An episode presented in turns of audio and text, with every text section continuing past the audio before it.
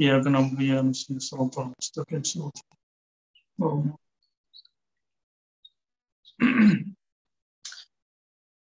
الباب السادس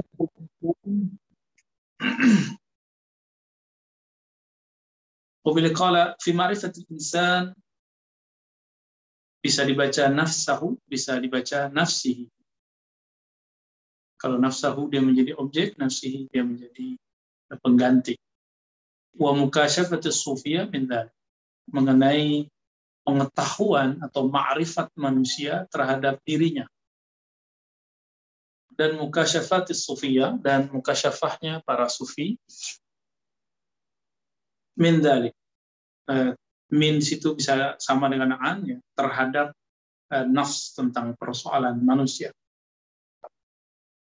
Uh, sahabat saya yang bukan Allah, pengantar Imam Ghazali sebenarnya juga bagus. Beliau pernah bertanya dalam kitab Kimia Sa'ada, jika dikatakan bahwa ana, anta, huwa, antum, apakah tubuh yang ini apakah yang bernama Zahir, bernama KTP, bernama nomor kartnya fulan-fulan, seperti saya, apakah Ar-Razi itu tubuh ini?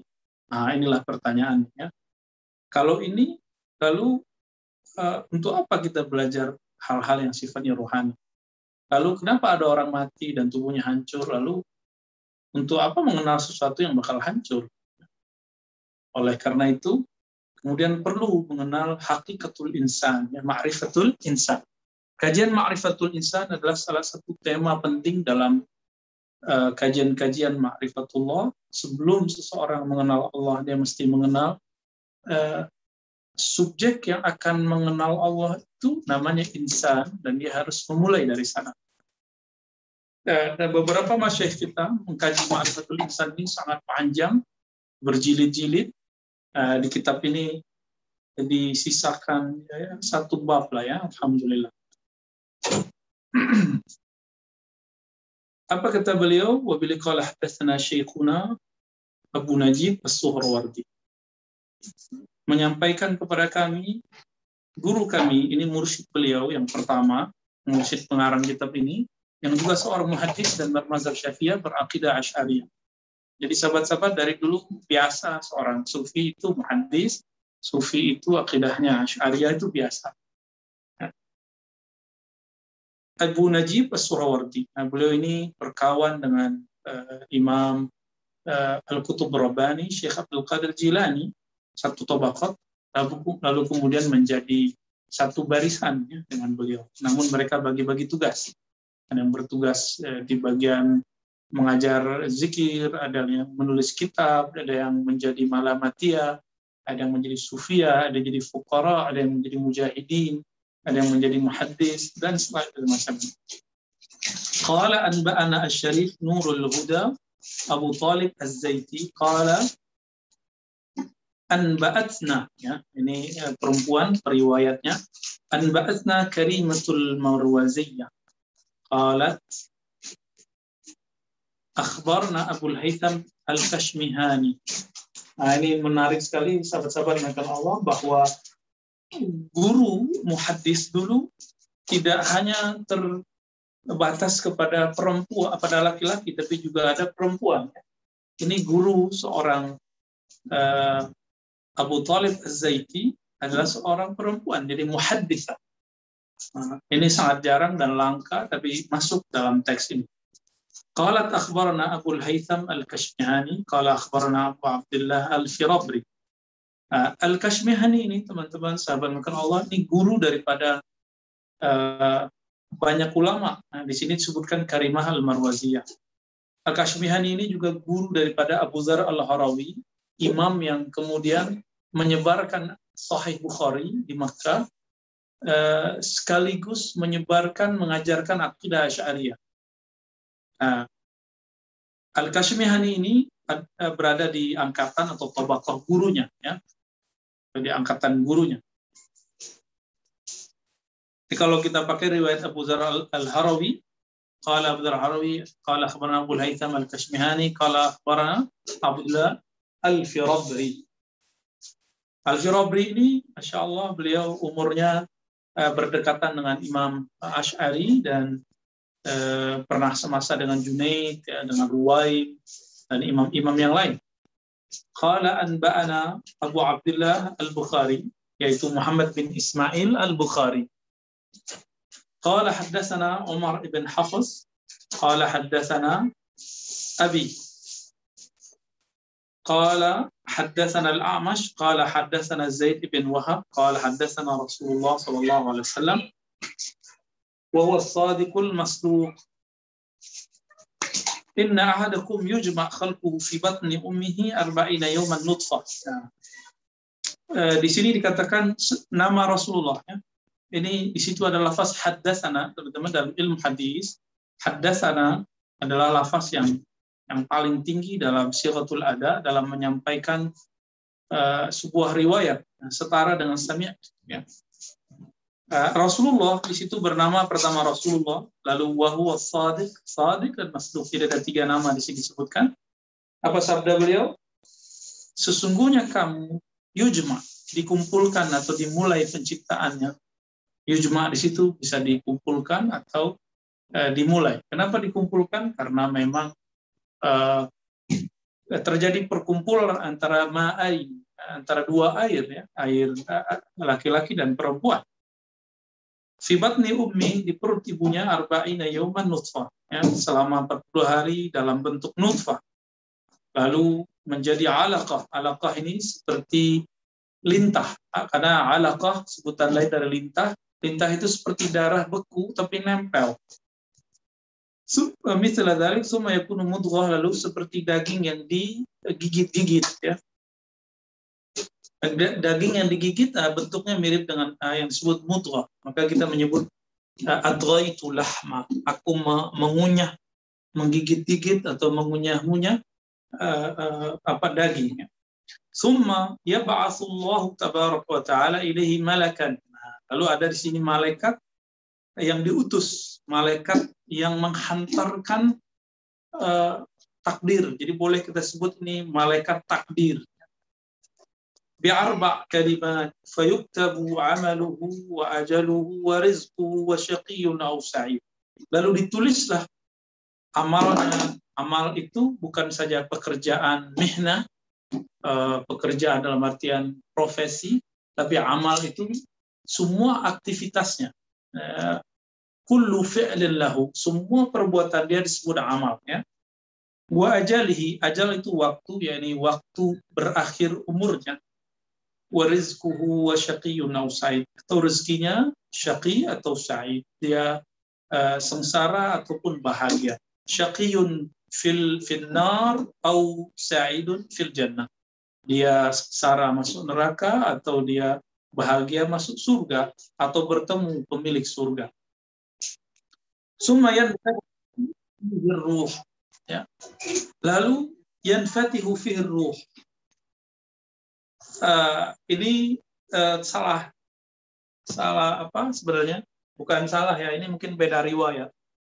Cuma yang yang asoh yang kuat bukan yang fatih yanfuh ya, meniupkan kepada si janin yang sudah uh, cukup sudah taswiyah tadi. Sudah cukup sudah kuat apa arruh nah, harus pakai alif lam ya sahabat-sahabat teman-teman harus ditulis alif lamnya arruh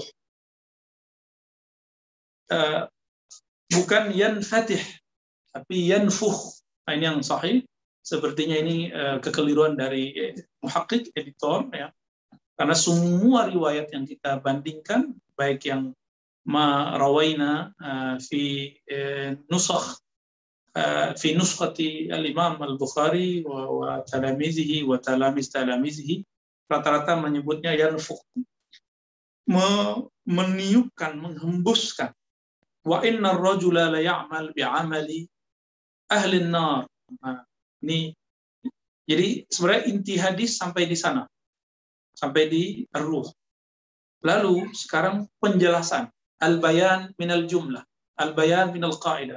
Jadi ada ada kaidahnya di situ tentang uh, tiga hal. Pertama, proses penciptaan manusia secara fisik, lalu uh, ada takdir dari manusia dan yang ketiga adalah peniupan ruh bagi manusia. Jadi manusia ini ada tiga sisinya, sisi fisik, takdir yang yang telah Allah suratkan kepadanya, dan yang ketiga adalah sisi lain atau sisi rohani dari manusia itu. Uh, perhatikan di sini, karena manusia di situ ada tiga, nah, maka ini akan berlaku dalam menjelaskan hadis berikut. Wa inna rajula, sesungguhnya seseorang Rojul tidak mesti diartikan eh, laki-laki, tapi dapat diartikan seseorang. Hatta imra'ah, ya, maka di situ masuklah perempuan. La ya'mal bi'amalin ahli nar. Sungguh beramal dengan amal seperti amal ahli neraka hatta mayakun bainahum wa bainaha illa dhira. Sehingga antara dia dan neraka seakan-akan cuma satu jengkal. Fayasbiku alail kitab tapi ketentuan takdir telah telah berlalu. Apa itu? Dia ahli surga. Fayamal, maka dia senantiasa berusaha beramal di akhir hayatnya bi amali ahli jannah. Dengan amal ahli jannah, ahli surga fayadkhulul jannata sehingga dia bisa masuk surga. Nah, maksudnya apa ini? Zahirnya dia bermaksiat, zahirnya dia seperti tidak beriman, tapi batin dia, ruh dia sebenarnya sedang mencari jalan untuk menjadi suada. Menjelang dia wafat, ketika terjadi mendekati uh, kematiannya, kemudian dia menemukan jalan kepada jalan suada orang-orang yang mendapatkan kebahagiaan surga. Bertemu Allah Subhanahu wa taala. Jadi sisi ruhnya jadi amal tadi itu adalah sisi basyariah insan yang zahirnya. Sedangkan yasbiku alal kitab ini eh, takdirnya. Lalu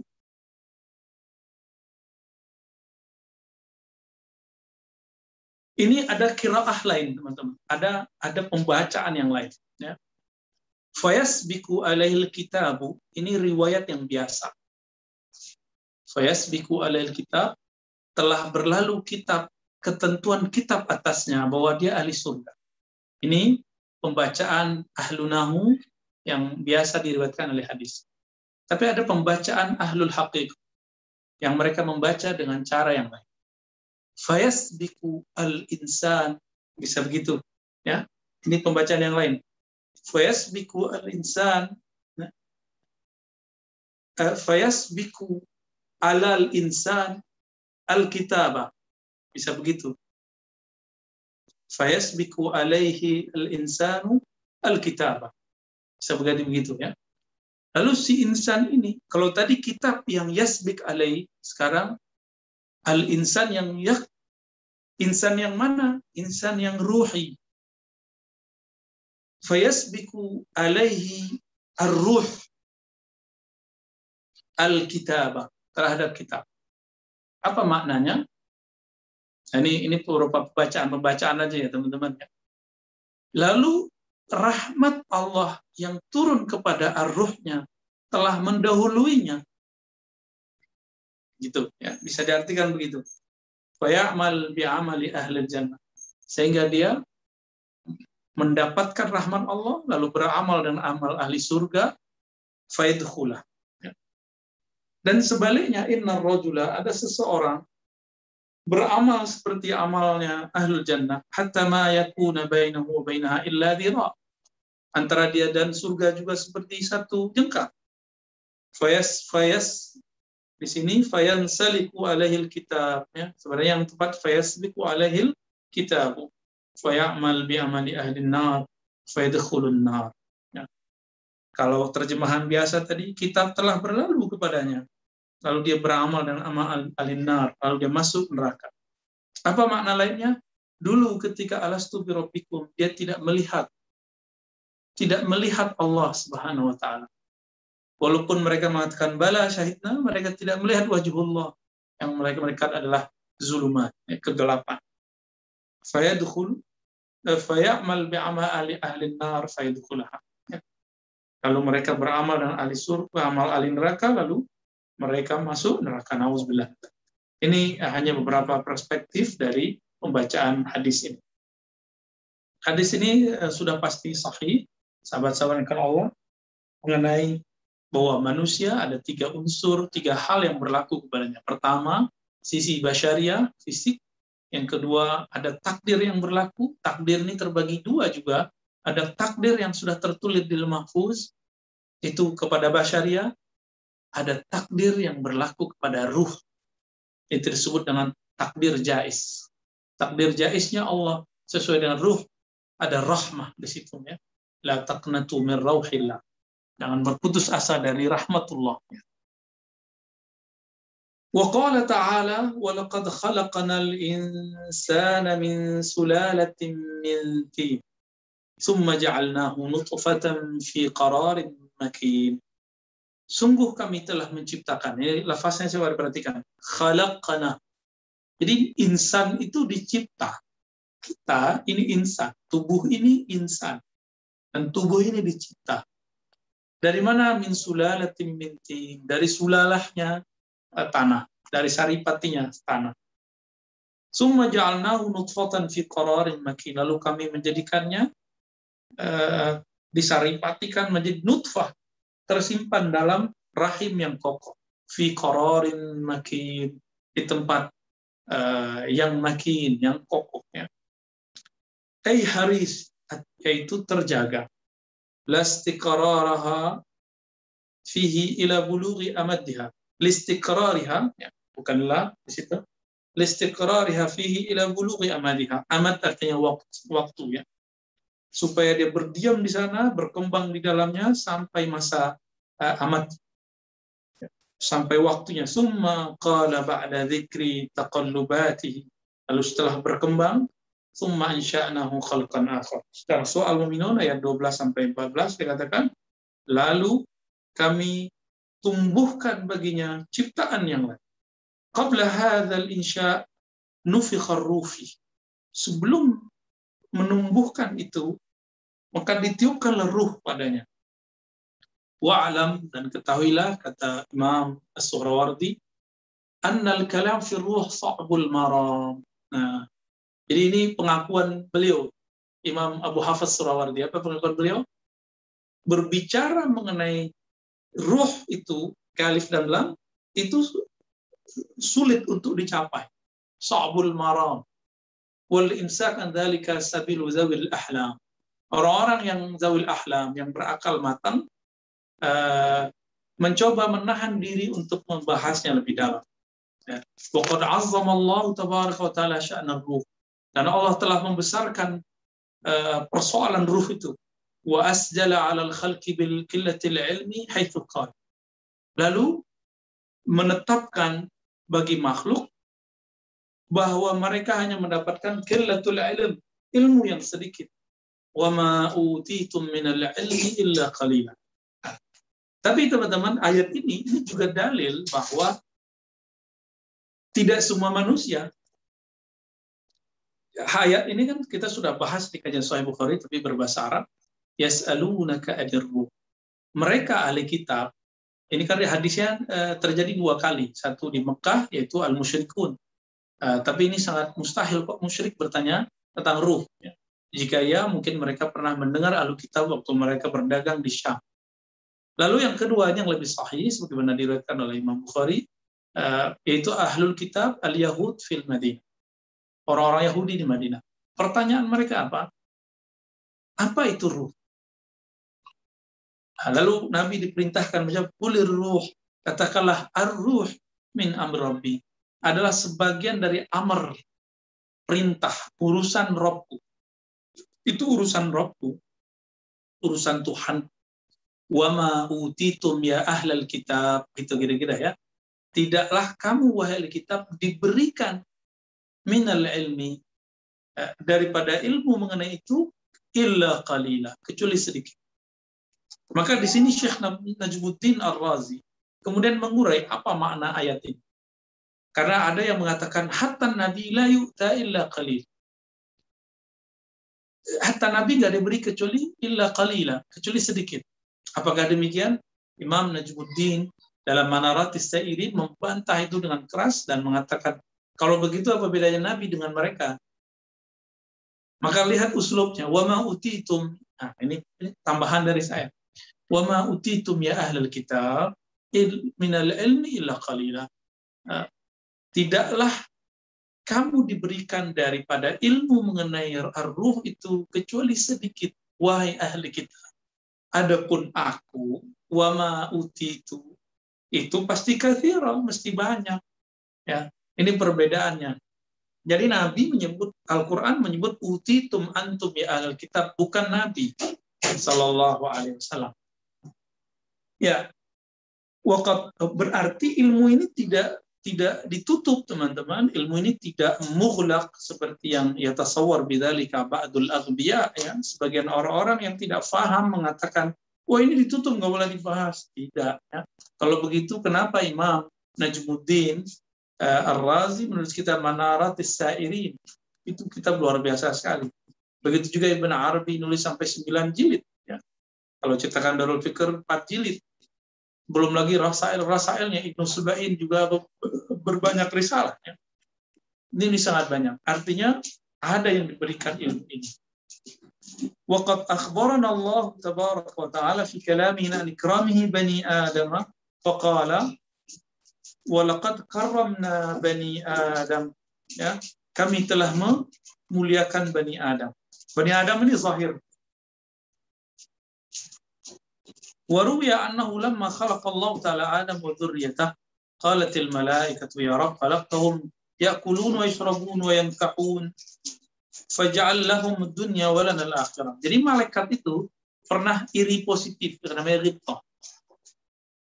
Mengenai penciptaan manusia, ya Allah engkau telah memuliakan penciptaan manusia. Mereka makan, minum, menikah, ya. Lalu ya sudah ya Allah jadikan bagi mereka dunia bagi kami akhirat. Faqala wa izzati wa jalali. Demi keizzahanku dan jalalku keperkasaanku dan ke keagunganku ya. La aj'al dzurriatan man khalaqtu bi yadi kaman qultu lahu kun fakan. Ah ini teman-teman. Jadi ternyata manusia itu dalam riwayat itu tidak diciptakan dengan kun tapi diciptakan dengan biadi. Apa kata uh, Allah Ta'ala di sini? Demi keperkasaanku, demi keagunganku, aku tidak akan menjadikan keturunan yang aku ciptakan dari kakeknya, dari ayahnya. Ayahnya itu tercipta dengan tanganku, kaman kultulahu kun fakan. Seperti aku mengatakan kepada semua yang lain kun. Ya فمع هذه الكرامة واختياره سبحانه تبارك وتعالى إياهم على الملائكة dengan karamah ini dan ikhtiarnya Allah SWT terhadap mereka alal malaikah boleh dibaca waktiarihi ya terhadap uh, pilihan Allah terhadap manusia dibandingkan malaikat lamma akhbara anir ruh tatkala ia mengabarkan mengenai ar-ruh akhbara anhum bi qillatil ilm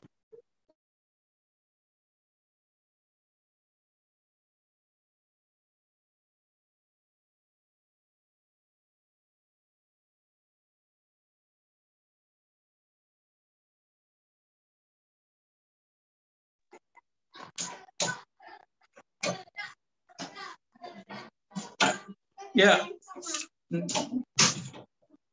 tatkala Allah mengabarkan tentang ar-ruh, akhbar anhum biqillatil ilm ya. Allah mengabarkan tentang kepada mereka mengenai ilmu yang sedikit. Yas'alunaka 'anir ruh qul ruh min amri rabbih. Ya. Ibnu Abbas mengatakan qala al-yahud dan nabi akhbirna mar-ruh. Ini yang tadi saya ceritakan ya. Ceritakan kepada kami wahai Rasulullah, wahai Muhammad gitu. Apa itu ruh? Wa kaifa tu'adzabu ruh allati fil jasad? Bagaimana ruh diazab sedangkan dia di jasad. Wa inna ruh min amrillah. Lalu dijawablah ruh itu min amrillah. Walam yakun nazala ilahi fi syai falam yujibhu. Tidak ada sesuatu yang ditanya kepada Nabi kecuali Nabi menjawab kecuali bab ar-ruh. Ya fa'atahu Jibril bihadil ayat. Lalu Jibril diberikan ayat ini.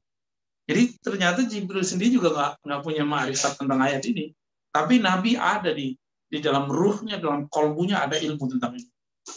Wahai tu amsaka Rasulullah SAW anil ikhbar anil ruhama yati bidnillahi ta'ala wahyi wa salawatullahi alaihi ma'danul ilmi wa yanbu'ul hikmah. Nah, ini penjelasan yang yang saya senada senafas dengan Imam Surawardi.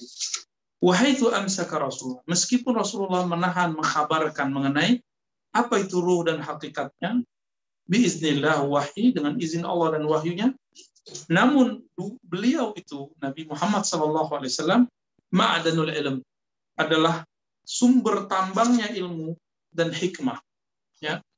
فكيف يسوله لغيره الخوض فيه والإشارة إليه لا جرم لما تقاضت الأنفس الإنسانية المتطالعة إلى الفضول المتشوقة إلى المعقول المتحركة بوضعها بالسكون فيه والمنصورة بحرصها إلى كل تحقيق وكل تنبيه Nah, bagaimana mungkin yusawwaqu li ghairihi fihi wal isyarah ilaihi. Uh, uh, disebutkan apa al-khawd masuk kepada yang lainnya, dibolehkan kepada yang lainnya mendalami atau membahas tentang itu dan isyarah kepadanya. La jirma, ya, tidak masalah lama taqadat al-amsus lisannya al-mutatali'ah. Ketika jiwa manusia ya, uh, yang ingin memutolaah kepada sesuatu yang yang diinginkan oleh objek, sesuatu yang dapat diperoleh oleh akal, al-mutaharrika biwadi'aha bisukun fiha. Yang dia bergerak Eh, dengan meletakkannya sehingga menjadi tenang padanya. Secara harfiah begitu ya. Lalu wa wa وأطلقت عنان النظر في مساره الفكر وخاضت غمرات معرفة ماهية الروح تاهت في كتيه وتنوعت آراؤها فيه ولم يوجد الاختلاف بين أرباب النقل والأقل في شيء كالاختلاف في ماهية الروح. يعني كلام اني ini diulang kembali oleh Najibuddin eh, Al-Kubra eh, uh, Al-Najibuddin uh, eh, Al-Razi Al-Syaharur dalam kitab yang wafatnya 30 tahun setelah Imam Surawardi, lafaznya hampir sama. Kalau diterjemahkan secara bebas, karena ini tidak dijelaskan secara detail, maka sangat banyak perbedaan pendapat menjelaskan mengenai hakikat ar-ruh. Ya, walau haddaha wa bima'rif mu'tarifatun bi'ajiziha biha wa seandainya seseorang jiwa itu mengakui bahwa dia tidak sanggup mengetahuinya itu lebih baik fa amma aqawil man laysa mutamassikan bisyara'i ini persis diulang kembali oleh uh, Najmuddin Ar-Razi ya. Adapun perkataan yang tidak bersandarkan kepada syariat. Tanazzahal tanazzahal kitab Maka kitab ini pun terbebas dari konsep-konsep tersebut. Maksudnya kelompok batiniah dan falasifah qadimah. Ya. Nah, ini bukti bahwa teman-teman kajian kita bukan kajian filsafat. Ya, walaupun saya membaca filsafat, tapi bukan untuk saya ikuti. Saya cuma ingin melihat perbandingannya eh, dan meminjam beberapa perangkat-perangkatnya yang relevan karena ilmu itu luas sebagaimana ilmu kedokteran ngambil dan filsafat, kenapa kita nggak boleh ngambilnya? Dan ini sudah dibagi oleh Imam Ghazali, ada 17 yang makruh, ada tiga yang haram. Nah, kita yang haram kita nggak usah ambil, kan udah dibagi. Maka orang-orang yang masih mengatakan falsafah itu haram semua, itu mereka mundur beberapa abad. Kenapa? Imam Ghazali, beliau wafatnya tahun 505 Hijriah, sekarang udah 1442 Hijriah itu sudah menjelaskan dengan detail. Lalu sekarang muncul lagi orang mengharamkan filsafat. Betapa ya terbelakangnya cara berpikir mereka. Ya. Kasihan orang-orang begini. Maka coba baca Al-Munkis bin. Kalau nggak sanggup baca Maqasid Falasifah. Kalau nggak sanggup baca uh, Tahfud Falasifah, dua kitab besar Imam Ghazali. Ya udah baca aja deh yang kecil. Ya, Al-Munkis bin. Ini nggak nyampe 100 halaman. Di situ jelas pembagiannya Mana yang tidak boleh, mana yang boleh. Imam Ghazali ya, Imam Mujtahid. Beliau sudah sudah menjelaskan tidak ada suatu persoalan di zamannya yang datang ke beliau kecuali beliau menjelaskan hukumnya karena beliau juga seorang faqih, juga seorang usuli. Ya. Ah, teman-teman yang bukan Allah, dalam hal ini kitab ini menjauhkan diri bahkan dari falsafah yang katanya tadi eh, mubah bagi Ghazali. Ya. Liannaha aqwal abrazatuhul uqul allati dhallat anir rasyad. Kenapa? Karena itu banyak perkataan yang bersumber dari akal yang eh, menyimpang dari eh, bimbingan syarak. Wa tubi'at alal fasad yang sudah tertorehkan kepadanya ke eh, kerusakan ya walam walam yusibha nah ini di kitab saya disambung nih skala cetak lam yusibha nurul ihtida yang tidak mendapatkan cahaya petunjuk hidayah bi barakati mutaba'atil anbiya dengan mengikuti para nabi. Fahum kama qala tabarak ta'ala kanat ayunuhum fi ghita'in an dzikri uh, pandangan mereka mata mereka tertutup daripada mengingatku. Wakanu la yastati'una sam'a sehingga mereka tidak sanggup untuk melihatku ya. Ah, ini menarik nih teman-teman. Ayat surah Al-Kahf ayat 101 ayatnya berbicara kanat a'yunuhum fi ghita'an pandangan mereka tertutup dari memandang uh, peringatanku wakanu dan mereka juga punya masalah lain sama mereka tidak sanggup untuk mendengar yang lebih dalam. Berarti dua persoalan mereka sehingga tidak mendapatkan muka syafa, yaitu tertutup mata batinnya dan uh, tuli telinganya. Ya. وقالوا قلوبنا في أكنة مما تدعو في أكنة مما تدعونا إليه وفي آذاننا وقر ومن ومن بيننا wa bainika hijab. Falamma hujibu anil anbiya lam yasma'u. Ketika mereka, nah, menjelaskan ayat ini ya, tatkala mereka terhijab dari para nabi, lam yasma'u, maka mereka tidak sanggup mendengar. Wahai lam yasma'u lam yahtadu. Jadi ternyata hidayah itu dimulai dari mau mendengar. Orang yang tidak mau mendengar, maka hidayah jauh daripadanya. Maka teman-teman, kenapa orang benci kepada kajian tasawuf yang hakiki ya? kajian akidah halus sunnah yang bermanhaj syariah atau maturidiyah atau tohawiyah itu karena mereka lam yasma nggak mau dengar. Itu aja masalahnya. Ya yang penting kalau udah kelihatan wajahnya kalau kelihatan namanya skip. Gak usah didengerin gitu ya. Nah, ini yang membuat orang-orang jauh dari dari hidayah.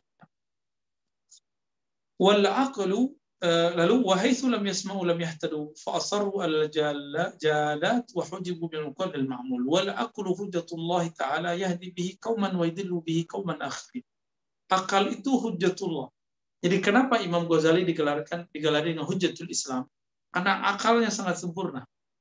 Tidak ada orang yang yang mendebat beliau melainkan kalah ya yahdi bihi qauman tapi akal itu meskipun hujjatullah ada yang mendapat hidayah dengan menggunakannya, ada yang tersesat juga dengan jika salah menggunakannya.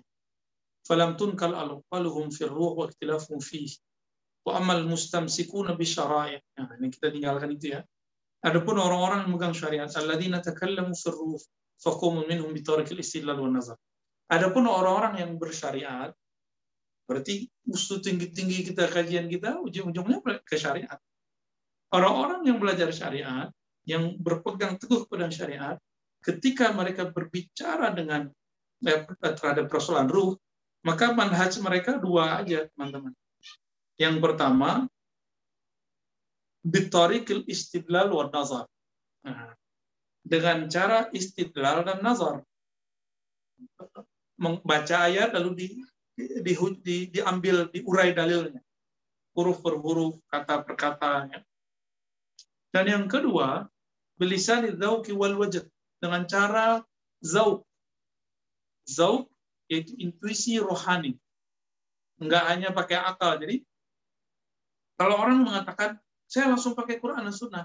Iya Quran dan Sunnah. Cara bacanya dengan apa? Kan ada orang cara baca Quran Sunnah dengan empiriknya. His, hissi. Maka mereka mementingkan angka, lafaz. Tidak mementingkan makna. Jika dia sudah sampai kepada makna, maka dia berhujjah dengan Quran sudah dengan makna, berarti sudah menggunakan akal. Kalau tadi belum pakai akal. Jadi jangan dikira setiap orang yang menggunakan Quran, yang berdalil dengan Quran, dia sudah berhujjah dengan Quran. Belum. barangkali dia terhijab dari makna Quran. Dia baru tahu nama lafaz ayatnya, nama suratnya. Bahkan kebanyakan di luar sana itu cuma tahu nomor surat dan uh, nomor ayat, lalu terjemahannya. Banyak begitu ya kajian indeks-indeks yang yang tidak didasari kepada ilmu ilmu tafsir. Apa pentingnya kalau kita hafal nomor tapi nggak tahu ayatnya? Yang bagus tahu ayatnya, tahu nomornya, itu lebih afdal. Tapi tahu ayatnya sudah cukup. ya. Jadi teman-teman, istidlal Quran itu sudah level 2. Nah, kalau orang-orang awam enggak. Makanya di luar sana banyak, saya kembali Quran Sunnah aja. Dia lupa bahwa ketika dia mengatakan begitu, justru dia sedang terjebak kepada pandangan empirik. Pandangan zahir dia yang melihat teksnya. Nah, dia belum melihat pandangan yang istilali an-nazari, al-aqliyah. Nah, bahkan mereka justru karena dia nggak tahu bahwa bahwa yang yang istilali, al-nazari, al-aqli itu lebih tinggi, maka mereka mengharamkan. Jadi karena nggak tahu. Yang lebih tinggi lagi dari itu itu az-zauqi, ar-ruhi, dengan zauq dan ruh. Nah, hatta takallama Eh, la bisti'mal fikr tidak hanya dengan pemikiran akal saja apalagi seperti orang awam hari ini yang lucunya itu ya orang-orang baru mengerti tentang Islam baru ada semangat berislam. Langsung mengatakan oh Ustaz ini dia nggak ngikut Quran dan Sunnah. Dia pakai zaub lah zaub itu sendiri adalah pencapaian tertinggi dari membaca Al-Quran. Istidlal rasionalisasi ayat itu pencapaian nomor dua ketika Al-Quran Adapun kalau cuma tahu nomornya, bau tahu terjemahannya, itu baru paling rendah, paling bawah, sahabat-sahabat Allah. Ya, hatta takallama fi dzalika masyayikh sufiyah. Sehingga para masyayikh sufi juga membicarakan hal ini wa kana al-aula al-imsak. Beliau sangat hati-hati mengatakan lebih baik sebenarnya menahan diri ya, wa ta'addub bi adabin nabi, ya, beradab dengan nabi. Jika kita memposisikan diri seperti ahlu kitab. Beda dengan pewaris nabi. Coba lihat di sini. Qala Junaid, ar-ruhu syai'un ista'sara Allah bi ilmi wa la tajuzul ibaratu anhu bi aksar min wujud. Imam Junaid ini termasuk imam yang hati-hati beda dengan Halaj ya. Halaj muridnya. Ruh itu sesuatu yang Allah simpan dengan ilmunya dan tidak boleh mengibaratkan menjelaskannya lebih daripada yang ada. Walakin naj'al lis-sadiqina. Nah, beliau walaupun bilang hati-hati, tapi hati-hatinya nyerempet-nyerempet ke zauq. Ya. Ini lucunya kitab ini, tapi saya suka. Ya. Uh, beliau hati-hati, tapi sedikit-sedikit dikeluarkan, dikeluarkan, dikeluarkan. Walakin naj'al lis-sadiqin. Nah, sadiqin ini bagi orang-orang yang pakai zauq tadi ya. Kami jadikan bagi orang yang sadiq. Mah, muhmalan li akwalihim وأفعالهم ويجوز أن يكون كلام في ذلك بمثابة التأويل لكلام الله والآيات المنزلة mereka menjelaskan dalam kalam-kalam mereka sebagai takwil uh, terhadap ayat-ayat Allah. Haitsu harrama uh, tafsiruhu haitsu harrama tafsiruhu wa juwiza ta'wil. Yang mana haram tafsirnya tapi boleh takwilnya. Apa beda tafsir dengan takwil? Nah, ini sangat sangat uh, banyak dijelaskan oleh Imam Az-Zarkashi dalam kitab beliau Al-Burhan ya dan Imam Asyuti dalam kitab beliau Al-Itqan ya. Ini jadi bahan kajian wajib uh, kami di kampus untuk pasca sarjana S2 dan S3 di IT. Silakan teman-teman kalau mau lihat dan itu sudah ada terjemahannya. Sederhananya tafsir itu menjelaskan yang tersurat, ta'wil menjelaskan yang tersurat. Atau boleh dikatakan tafsir itu mengurai yang jelas memperjelas yang sudah jelas. Sedangkan takwil menjelaskan yang belum jelas, yang masih tersirat. Ya.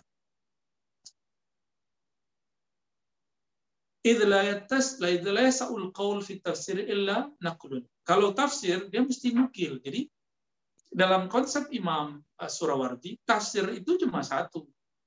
Bir, bil maksur. Dengan cara riwayat. Nah, atau bil mankul. Nah, di luar sana ada kelompok yang mengaku kelompoknya paling mankul, ya, paling mankul dari Nabi. Benarkah begitu? Ya tentu tidak. Ya. Banyak di luar sana yang lebih manful dari dia, tapi tidak merasa sok-sok manful. Wa amat ta'wil, fatamtaddul uqul ilaihi bil ba'id tawil. Nah, kalau tafsir kan, ya penting ada riwayat, jelasin.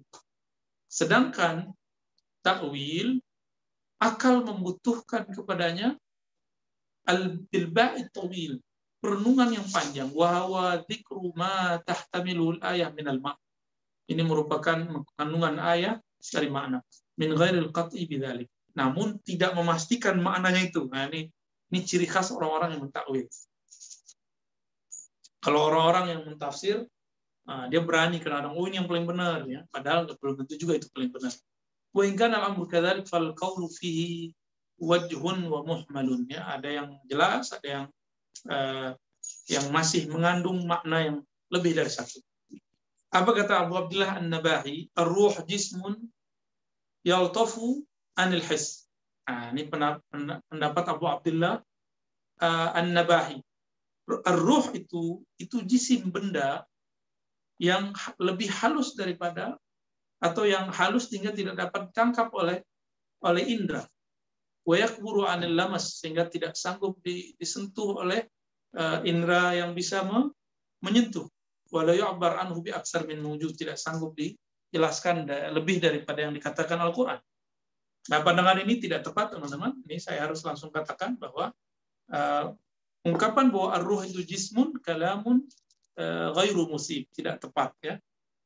Tanpa mengurangi hormat kita kepada Imam Abdullah Nabahi, al-jismu ya, yani ar-ruhu laisa bijismin ya. Ruh bukanlah jism. Nah, ini yang pertama. Jadi ini pendapat uh, di skip dulu ya. Wa huwa in in muni anil bara faqad hakama bi annahu jismun fa kanahu abbaran. Walaupun dia mengatakan nggak boleh mengatakan nggak boleh menjelaskan ruh lebih dari yang ditulis Quran, loh ternyata dia mengatakan uh, bahwa ruh itu jism. Ini sudah lebih daripada yang yang ditulis dalam Al-Quran. Gitu kira-kira ta'lik dari Imam Surawardi. Qala Ibnu Atha, khalaqallahu al-arwah qabla al-ajsad. Ini ada versi lain versi Ibnu Atta bahwasannya ruh itu diciptakan sebelum jasad. Karena ada ayat walaqad khalaqnakum ya'nil arwah summa sawwarnakum ya'nil ajsad. Tapi ini e, takwil ini juga tidak tepat teman-teman karena ini bertentangan dengan surat Sad dan surat-surat yang lain yang menyebutkan ini khaliqun e, basyaran min tin aku ciptakan bashar dari tin dari tanah e, ketika sudah sempurna fa idza sawaituhu nafakhtu fihi min lalu aku tiupkan roh jadi roh itu bukan khalaq, khalikun, aku ciptakan. Tapi nafaktu, aku tiupkan. Ya. Jadi eh, pendapat Ibnu Atta juga kita ambil sebagai ibrah saja, karena mereka juga tidak memastikan kebenarannya. Qala ba'duhum ar-ruh latifun qa'imun fi kathif. Kal basari jauharun latifun qa'imun fi kathif. Nah, sebagian mereka ini menjelaskan ruh dengan definisi sifat. Coba perhatikan. Jadi mereka mengatakan ruh itu sesuatu yang halus, imun bukan berdiri artinya berada ya, berada pada sesuatu benda yang kasar. Kasif ini bagian dari jisim karena jisim ada latif, ada kasif. Tapi kita uh, bertanya lagi, kalau dia mengatakan latif, berarti latif ini masuk ke jisim. Jadi jisim yang latif berdiri pada yang kasif. Nah, ini jadi kelemahan juga definisi ini ya. Seperti basar, seperti sifat basar adalah inti dari latifun, inti yang latif, qaimun fikasif, ada pada mata. Pandangan itu halus. Tapi ini mata, ini kasar. Ruh itu seperti itu menurut sebagian mereka. Ini dibantah juga, diragukan juga oleh Imam Surawardi belum mengatakan hadzal nazarun. Pendapat ini masih diperdebatkan ya. Wa qala ba'duhum ar-ruh ibaratun wal qa'im bil. Ada yang mengatakan ruh itu hanya sebuah ibarat. Yang ada adalah huwal haq, yaitu yang yang maha hak. Ini juga kata beliau fihi nazar. Illa ayyuhmal ala ma'na al-ihya. Kecuali kita memaknai al-haq di situ Allah menghidupkannya. Faqad qala ba'duhum al-ihya sifatul muhyi. Mereka mengatakan ihya menghidupkan itu sifat dari zat yang maha menghidupkan. seperti takhlik sifatul khalik. Seperti penciptaan itu sifat dari yang menciptakan. Allah yang menciptakan. Wa qala ar-ruhu min amri rabbi. Ruh itu adalah urusan Rabbku. Wa amruhu kalamuhu. Amarnya adalah kalamnya. Kalamuhu laysa bimakhluk. Ya. Kalamnya bukanlah makhluk. Aisaral hayyu hayyan biqauli kun hayyan. Eh, bahwasannya yang hidup itu dia menjadi hai karena kata kun. Tadi sudah dijelaskan di depan bahwa uh, dalam satu riwayat Israeliat bahwa Allah menciptakan bashar, sisi bashar itu dengan iat, bukan dengan kun, apalagi ruh ya. Tapi di sini masih dikatakan dengan kun. Karena dia mengatakan dengan kun wa ala hadza la yakunu ruh ma'nan fil jasad. Berdasarkan itu Ruh bukanlah makna yang ada dalam jasadnya. Tapi ini untuk membantah yang mengatakan ini makna. Faminal aqwal ma yadullu ala anna qailatan ya'taqidu qidamar ruh. Di antara mereka ada yang meyakini bahwasannya uh, ruh itu qadim. Wa minal aqwal ma yadullu ala annahu ya'taqidu hudusa. Ada yang mengatakan sebaliknya, dicipta. Nah, lalu gimana nih kira-kira teman-teman ya? Coba lihat teks berikutnya ya nanti yang pendapat uh, kita nanti kita belakangan kita jelaskan. Summa inna nas mukhtalifuna firruh. Lalu banyak lagi yang berdebat mengenai ruh yang ditanyakan kepada Nabi. Faqala qaumun huwa Jibril. Jangan-jangan itu Jibril.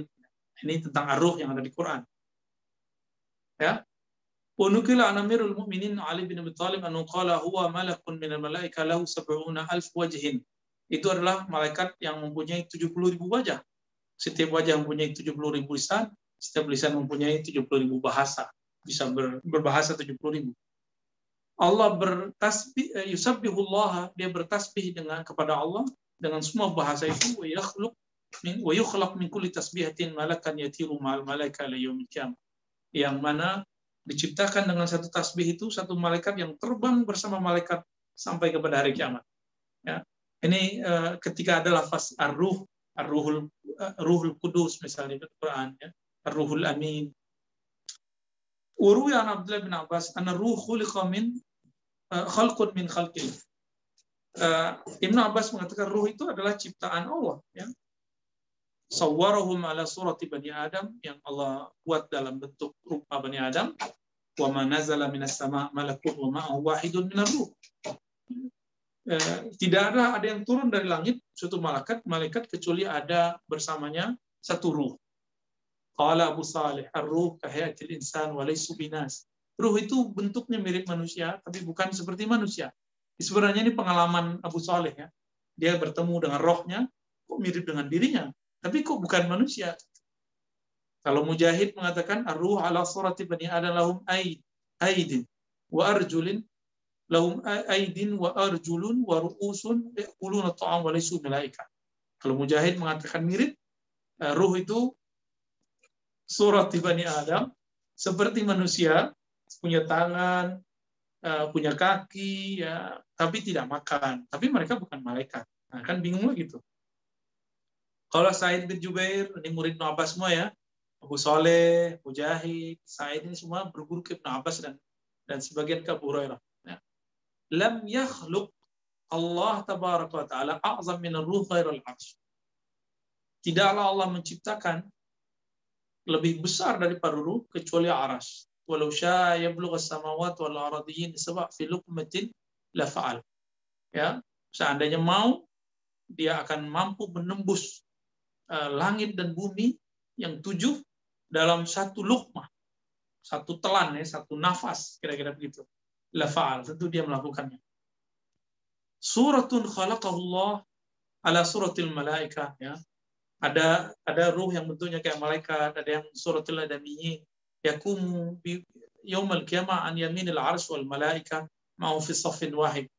Yang ada yang uh, berada di uh, yaminil arsh, kanannya aras dan malaikat bersamanya dalam saf yang satu. Jadi kalau ada ayat tanazzalul malaikatu ruh, ah, ruh yang ini maksudnya. Wa huwa mimman ahli tauhid. Ini bisa memberi syafaat, syafaat bagi orang yang bertauhid. Walaula anna bainahu wa bainal malaik sitran min nur la ahraqa ahla samawati bin nur seandainya antara dia dan antara malaikat ya seandainya tidak ada antara dia dan malaikat siter hijab tentu nurnya akan membakar penduduk langit apalagi bumi ya. apa kata beliau? Nah ini uniknya. Fahadil aqawil la takunu illa naqlan wa sama'an balaghahum an rasulillah ini ini satu kaidah teman-teman. Ini kaidah ahli hadis karena belum mengerti ahli hadis. Perkataan ini kan perkataan mengenai alam gaib. Abu Saleh, Mujahid, Sa'id bin Jubair, Ibnu Abbas tadi, mereka Ibnu Abbas sahabat lalu tiga muridnya tabi'in tidak mungkin mengatakan itu illa naklan wasamaan kecuali menukil dan mendengar dari yang sebelumnya. Lalu mereka mendengar dari Nabi. Jadi perkataan Ibnu Abbas tadi dihukumi dengan marfu meskipun zahirnya mauquf dari Nabi tapi zahirnya dari Ibn Abbas. Abu Saleh Mujahid Sa'id Jubair maknanya marfu dari Nabi tapi zahir teksnya bersumber dari sahabat tabi'in yaitu maktu.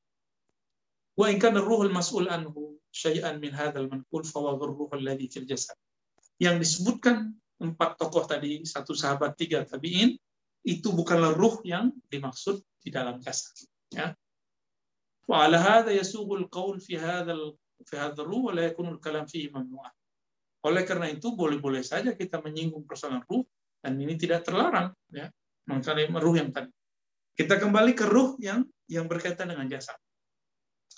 Wa qala ba'duhum berkata sebagian mereka, ar-ruh latifatun tasri min Allah amakin ma'rufah la yu'abbar anhu bi aktsara min mawjudin bi ijadi ghairi. Masih mengikuti definisinya Junaid ya sama ya. Wa qala ba'dhum ar-ruh lam yakhruj min kun li'annahu law kharaja min kun kana alaihi dhal alaihi dhil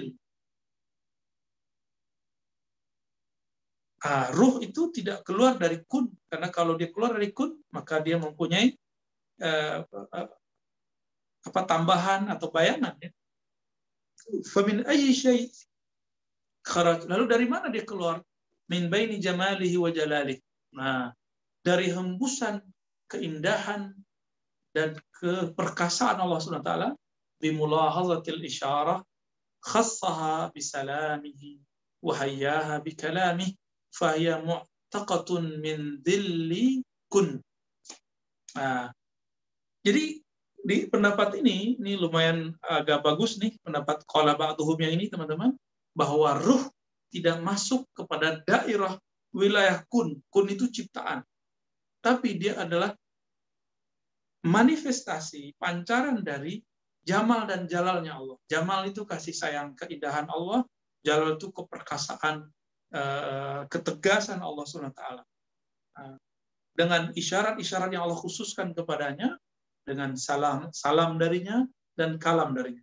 Dan dia mu'taqatun terbebas daripada uh, uh, dairahnya kun ya Wasul Abu Sa'id Al-Kharraz an-ruh makhluqatun hiya Imam Abu Sa'id Al-Kharraz yang disebut dengan Imam Tauhid Indah Sufiyah punya kitab Risalah Tauhid. Beliau ditanya ruh itu sebenarnya ciptaan atau tidak? Jawaban beliau enam dia ini pandangan beliau ya. Ini bukan pandangan saya. Walau ladzalika jadi berbeda dengan pandangan sebelumnya. Sebelumnya yang mengatakan ini pancaran dari Jamal dan Jalal, ini bukan bukan ciptaan. Karena kalau ciptaan berarti kun. Ya. Apa jawaban beliau? Ini beliau mengambil, memaknai, mentakwil berdasarkan munasabat lafaz ayat. Ya tidak salah juga sih lafaznya. Ma aqarat birrububiyati haitsu qalat bala. Tidaklah menetapkan rububiyah Allah sebagai pencipta lalu ruh mengatakan bala. Waruh yallati qama biha al-badan dan ruhlah yang berdiri padanya badan. Wastahaqqa biha ismul hayat. Sehingga berhak dapat nama hayat. Lalu sabatlah akal dengan ruh. Maka adalah hujjah. Kalau bukanlah karena ruh, karena aqlu mu'attalan la hujjata alaihi walalah. Maka dia akan kosong, tidak ada hujjah baginya. Nah, ini pendapat beliau ya. Ini kan pendapat beliau, nggak salah. Karena konteksnya itu alam persaksian rububiyah. Jadi teman-teman, musyahadah itu ada musyahadah rububiyah. Itu alastu bi rabbikum. Tapi ada musyahadah yang sebelum berububiyah, yaitu musyahadah uluhiyah. Nah, itu beda. Ya. Itu itu adalah kalau musyahadah rububiyah itu yang disebut hatta eh, Ibnu Kathir mengatakan yang pertama bersaksi saat itu adalah Nabi Muhammad itu nurnya. Sebelum itu juga sudah ada musyahadah namanya musyahadah uluhiyah, musyahadah keilahian. Nah, itu adalah Ahmad. Nah, itu beda lagi teman-teman. Nah, ini belum dibahas di kitab ini ya. Semoga pusing ya. Kita cukupkan dulu sih di Musa. Baik, Maulana. Ya. Kayaknya. Jadi kalau disimpulkan sebentar ya, kalau disimpulkan sebentar, uh, jadi ada pendapat di situ. Pertama yang mengatakan ruh ini tidak boleh dibahas. Tuh. Ya. Yang kedua, ruh ini tidak boleh dibahas, tapi dia membahasnya. Nah itu Imam Junaid ya termasuk tadi Abu Abdullah an, uh, An-Nabahi dia mengatakan nggak boleh mengibarkan lebih daripada ditulis tapi dia mengatakan al-jism ya lalu Ibnu Atta yang yang yang yang cenderung membahasnya dan mengatakan itu makhluk diciptakan sebelum jasad. Ya. Uh, pendapat ini paling banyak sebenarnya. Uh, sampai kemudian uh, ada pendapat yang yang mirip juga yaitu Abu Sa'id Al-Kharras dan tapi ada pendapat yang tidak sama dengan itu yaitu yang pendapat berikut bahwa ruh adalah pancaran dari Jamal dan Jalal ya. Nah kira-kira itu. Kalau saya beda lagi teman-teman. Karena ilmu itu berkembang ya. Ar-ruh uh, harus dibagi berdasarkan konteksnya. Ada ar-ruh al-mutlak yang disebut min amri rabbi. Ada ruh yang sudah masuk kepada uh, amr musyahadah, ada ruh yang sudah manfuh, ada ruh dalam pengertian umum, bisa berarti rahmat, uh, semangat, bisa berarti sifat.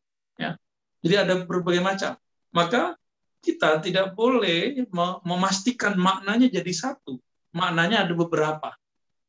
Yang yang arruh yang makhluk itu arruh yang disebutkan oleh Imam Abu Sa'id Al-Kharras yang alastu bi rabbikum? Lalu mereka menjawab bala syahidna. Kami menyaksikan engkau ya Rabb. Rabb berarti lawannya marbub. Marbub itu artinya makhluk. Ya. Tapi kulluhu Allahu ahad katakanlah ini yang disuruh berkata siapa huwallah nah, ini ini bisa menjelaskan teman-teman Huwallahu ahad. Huwa itu adalah syahadah ghaibiyah kepada Nabi Muhammad secara jasadnya. Maka disebut dia. Lalu Allah itu ada syahadah rububiyah ketika di alam arwah. Sedangkan ahad inilah yang disebut arruh al-azali. Kita tidak mengatakan arruh al-qadimi. Tidak boleh. Arruh itu boleh disebut azali, tidak boleh disebut qadim. Berbedakah azali dan qadim? Berbeda. Al-qadim zatuhu al-mutlaq. Zat Allah yang mutlak. Sedangkan azali adalah fase uh, tapi ini bukan zamani, ini hanya penjelasan akli ya, iba, iba, eh, hanya ibarah saja. Adalah tiupan Allah yang pertama yang disebut kemudian uh, Ahmad ya. Wallahu taala alam bisawab.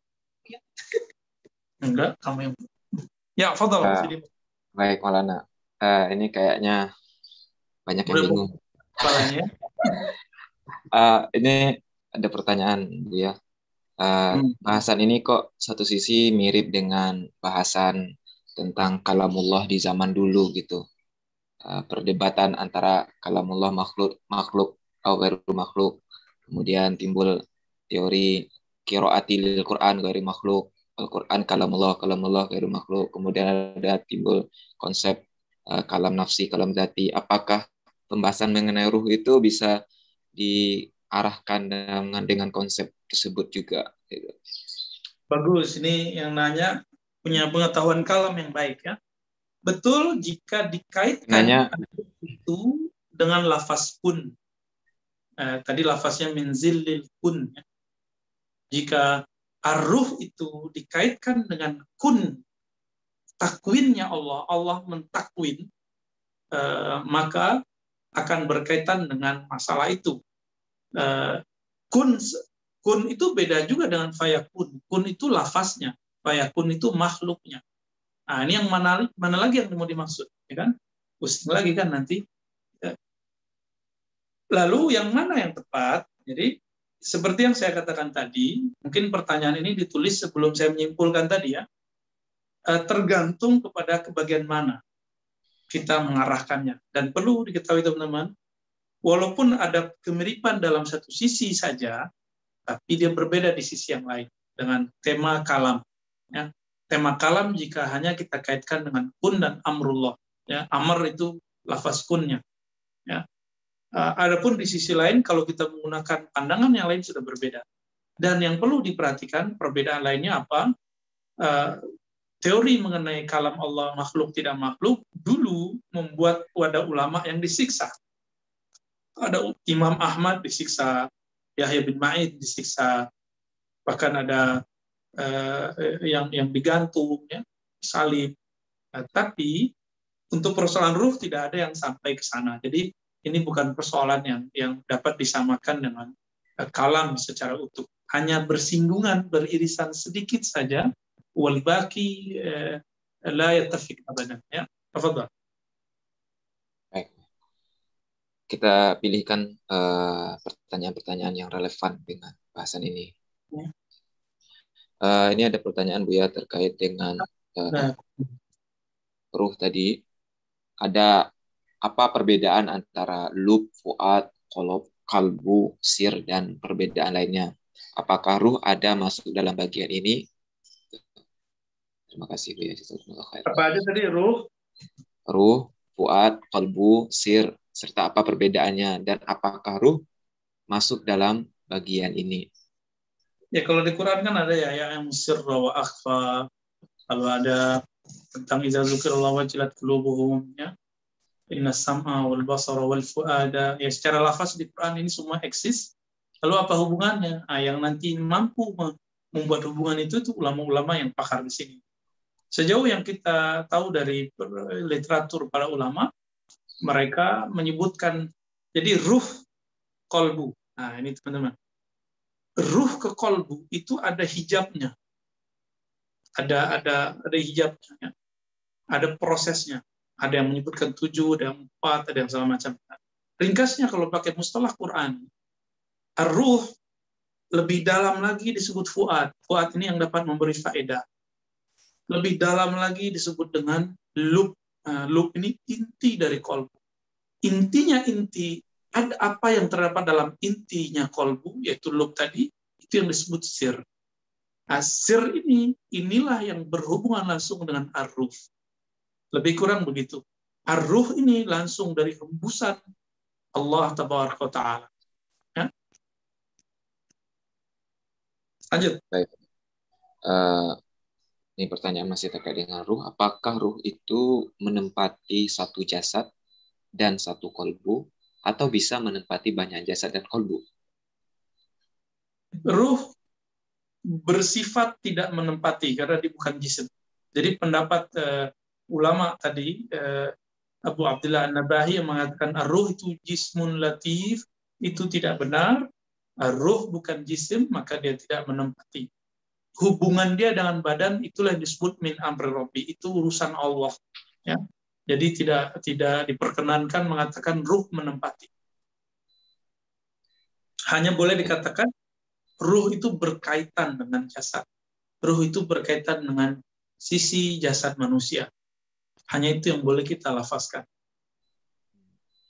Baik ini kayaknya ada yang uh, salah paham atau salah dengar tadi ya. Tadi Buya membahas tentang azal, azali dan kodim. Kalau kodim tadi Buya mengatakan tidak cuma dia saja.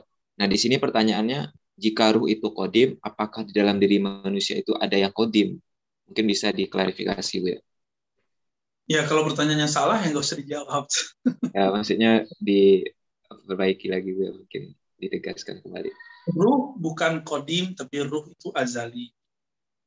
Itu pandangan uh, beberapa masyayikh kita ya. Dan saya cenderung ke sana. Kenapa ruh itu tiupan dari Allah? Allah itu kodim, maka meniupkan nggak boleh yang ditiupkannya bernama hadis. Kalau yang diciptakannya hadis, tapi tiupannya bukan hadis. Gitu ya. Apa perlu dibuat pakai whiteboard kalian? Seperti sebentar. Nah, Sidi Musa, Zauki. Uh, bisa nggak ya? ini share. Udah, udah Bu ya. Baik.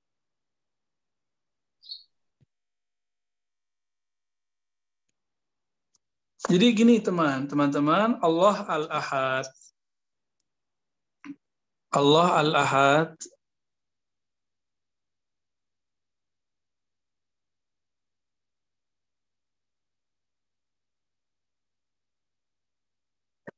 Allah yang ahad ini hubungannya dengan uh, selainnya itu ada dua ya. Satu nafakh.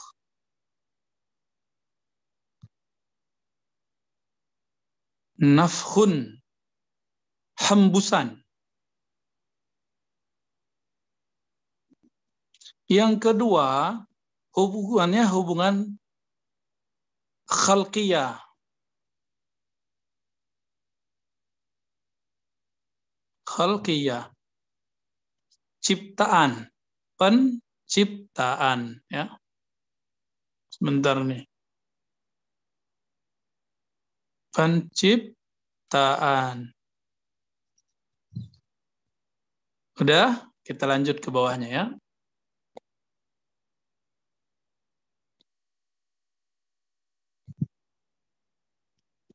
Dari penciptaan tadi, apa dari nafakh tadi, ini yang disebut Ahmad. Maka dalam dalam kitab-kitab para ulama kita disebut Ahmad Ruhullah.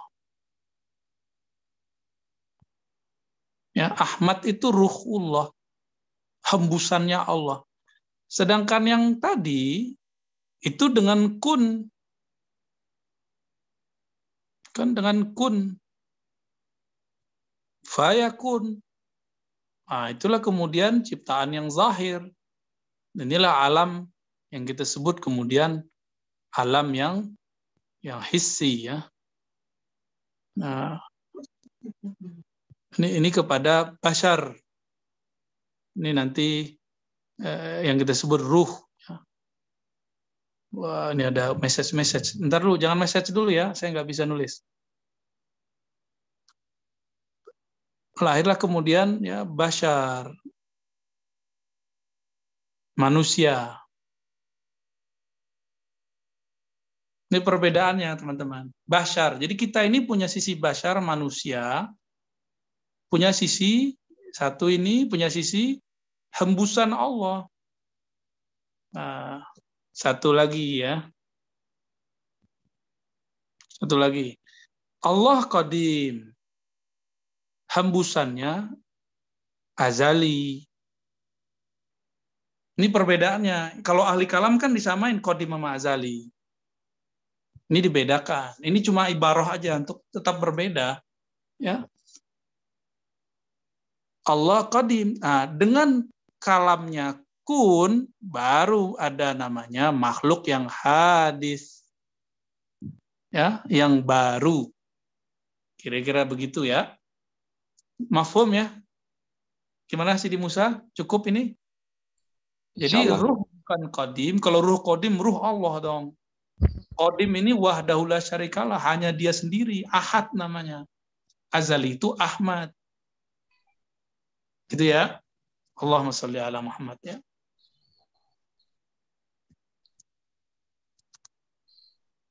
Gitu Sidi Musa. Baik ya. Sudah lumayan tadi ada memang ada yang meminta untuk diberikan ilustrasi dan Buya langsung memberikan ilustrasinya. Hmm. Sehati berarti ya. Sehati. Sudah terpenuhi permintaan penanya tadi. Uh, ini ada pertanyaan masih terkait dengan yang tadi juga Bu ya.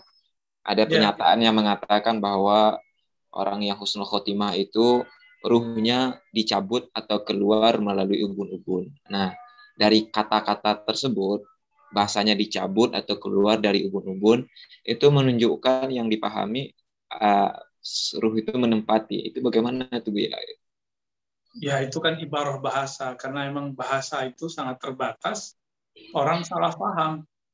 Coba saya ulangi teman-teman, ruh itu yang dicabut atau nafsnya? Mana yang dicabut? Kalau ayatnya gimana? Kullu nafsin ikotul. Jadi kadang-kadang ruh itu bermakna nafs. Maksudnya adalah jiwanya. Nah, itu sebabnya eh, penjelasan saya terakhir di setelah membaca kitab, kata arruh harus diterjemahkan dengan konteks yang berbeda. Ada konteksnya Ahmad Ruhullah Azali, ada konteksnya dia hadis baru diciptakan, ada yang uh, sifat. Jadi pendapat-pendapat yang tadi itu sebenarnya uh, nggak nggak salah semua juga nggak benar semua. Jadi itu sebenarnya perbedaan konteks aja. Dan torikoh yang paling tepat, metode yang paling tepat adalah menjama lalu meletakkannya sesuai dengan yang sebenarnya. Dan kita sudah mencoba untuk uh, merapikan itu ya. Atau perlu saya tulis lagi? nah, ini marhalah ruh ya, pemaknaan ruh. Biar kita buat lagi deh. Oke. Sebentar. Jadi arruh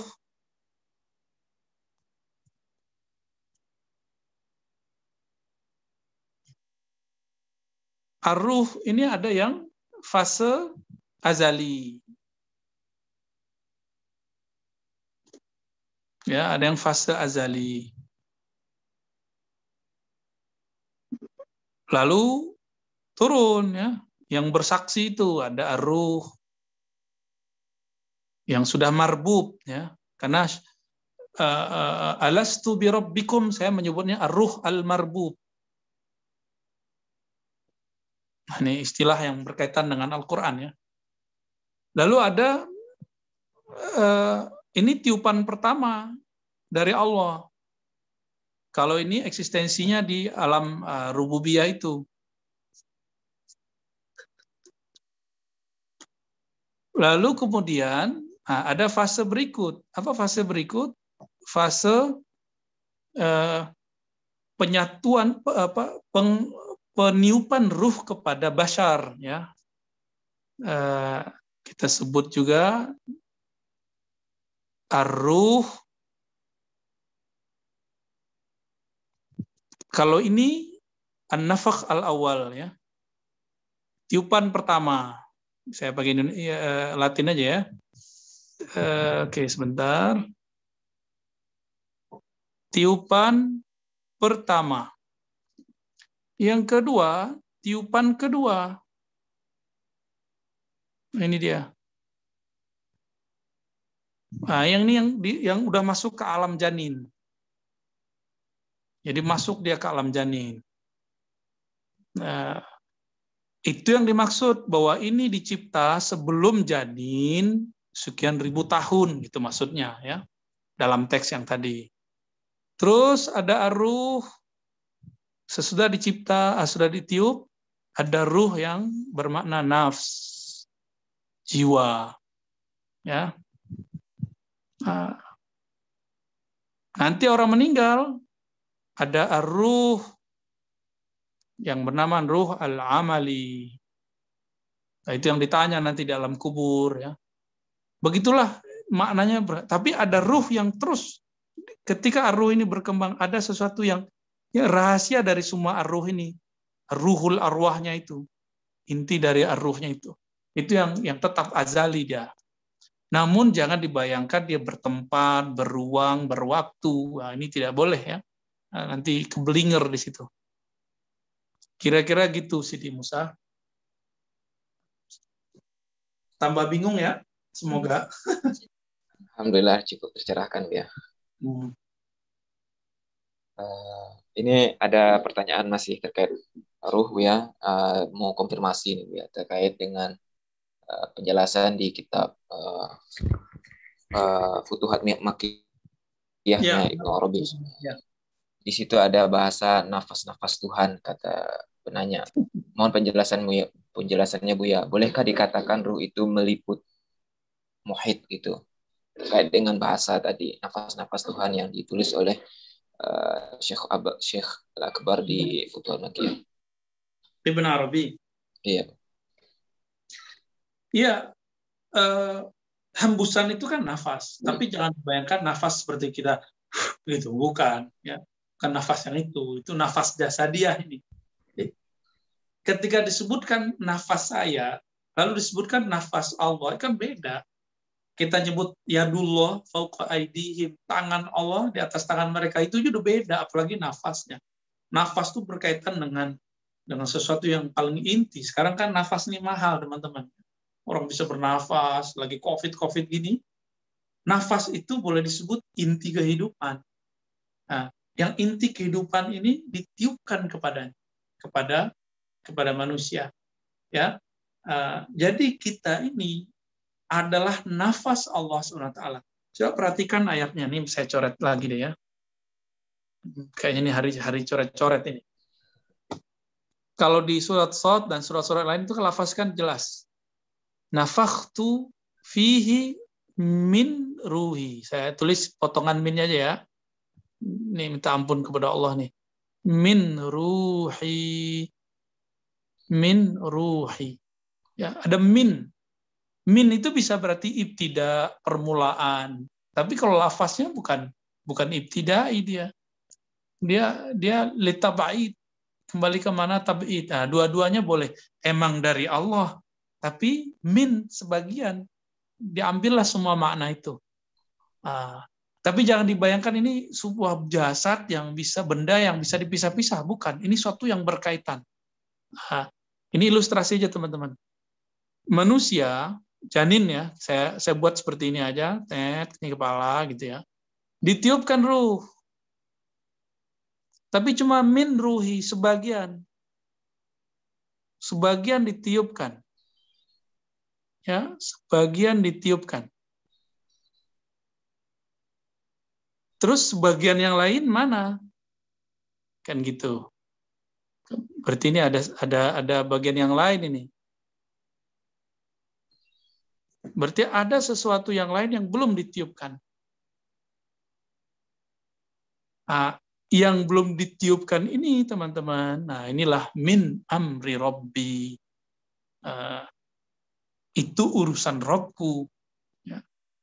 Inilah nanti jalan pulang. Jadi ibarat orang, kita mau cari satu tempat, kita buat alamatnya, nanti kita pasang uh, uh, posisi kita sedang di mana, dan kita jalan buat di GPS. Nanti GPS akan mengarah ke sana. Jadi misalnya nih, ini titik yang mau dituju, ya, titik yang mau dituju. Kita sedang di sini. Ah, satu di sini ini terhubung ya, sangat terhubung jalan. Ini jalan. Maka kita akan mencoba mencari jalan pulang. Ah, inilah perjalanan innalillahi wa inna ilaihi rajiun itu.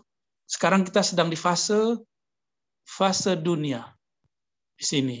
Nanti masuk fase barzakh, alam mahsyar, sirat, surga, baru bertemu.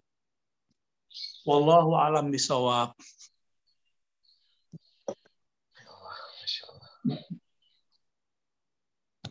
Gitu, Sidi Musa. Baik, ya. Itu ilustrasi saja dan itu tidak eh, belum uh, kita tidak memastikan dia mesti begitu enggak. Itu cuma ilustrasi saja ya. Membantu litashiril paham memudahkan pemahaman. Baik bu ya. Sepertinya untuk pertanyaan kita cukupkan ya bu ya. Ya, uh, kemudian ada ini permohonan doa Bu ya dari Ibu Lia Umu Hafiz dari uh, Palembang. Hmm. Mohon doa untuk ibu kami yang baru berpulang ke Rahmatullah, Ibu Syamsiar binti Sultan Jaran di usia 81 tahun. Mohon doanya Bu ya. Baik, baik. Uh, ikut berduka terhadap Ibunda Umu Hafiz, Lia Umu Hafiz, yang bernama Syamsiar tadi ya. Iya. Uh, semoga Allah Tabaraka Ta'ala eh, rahmatinya, memberikan keberkahan eh, yang batin, yang hakiki padanya di alam sana, dengan keberkahan surah Al-Fatihah, begitu juga ada ulama besar di Sulawesi Tengah, bagian dari eh, apa zuriat Rasulullah, yaitu ulama besar Al Khairat, Sidi Al Habib Sagaf bin Muhammad bin Idrus bin Salim Al Jufri, beliau pemimpin utama perguruan Islam Al Khairat, eh, juga berpulang. Ini sudah banyak ulama dan habaib yang pulang, teman-teman. Kita berharap, kita meminta kepada Allah SWT, semoga mereka diridhai Allah. Kalau Allah sudah ridho, apa pun keadaannya akan diselamatkan oleh Allah. Al-hazinnya walahuma al-fatihah. A'udhu bismillah. Ya kenapa ya Begitu juga teman-teman semua, ini banyak juga ya, ada yang yang tidak disebutkan, mohon maaf. Insya Allah doa kita sampai semua, terutama bagi teman-teman yang ikut ngaji, keluarganya yang wafat, yang sedang sakit, semoga dibeli Allah yang terbaik. Wassalamualaikum warahmatullahi wabarakatuh. Waalaikumsalam warahmatullahi wabarakatuh. Alhamdulillahirrahmanirrahim. Kita aturkan terima kasih banyak jazakumullah khairu jaza kepada guru kita Buya Dr. Razi Hashim dan kepada hadirin jamaah yang ada pertanyaannya yang mungkin tidak terbacakan, mohon maaf karena tidak mungkin semua pertanyaan dibacakan. Ini ada juga pertanyaan yang masuk secara pribadi yang secara privat.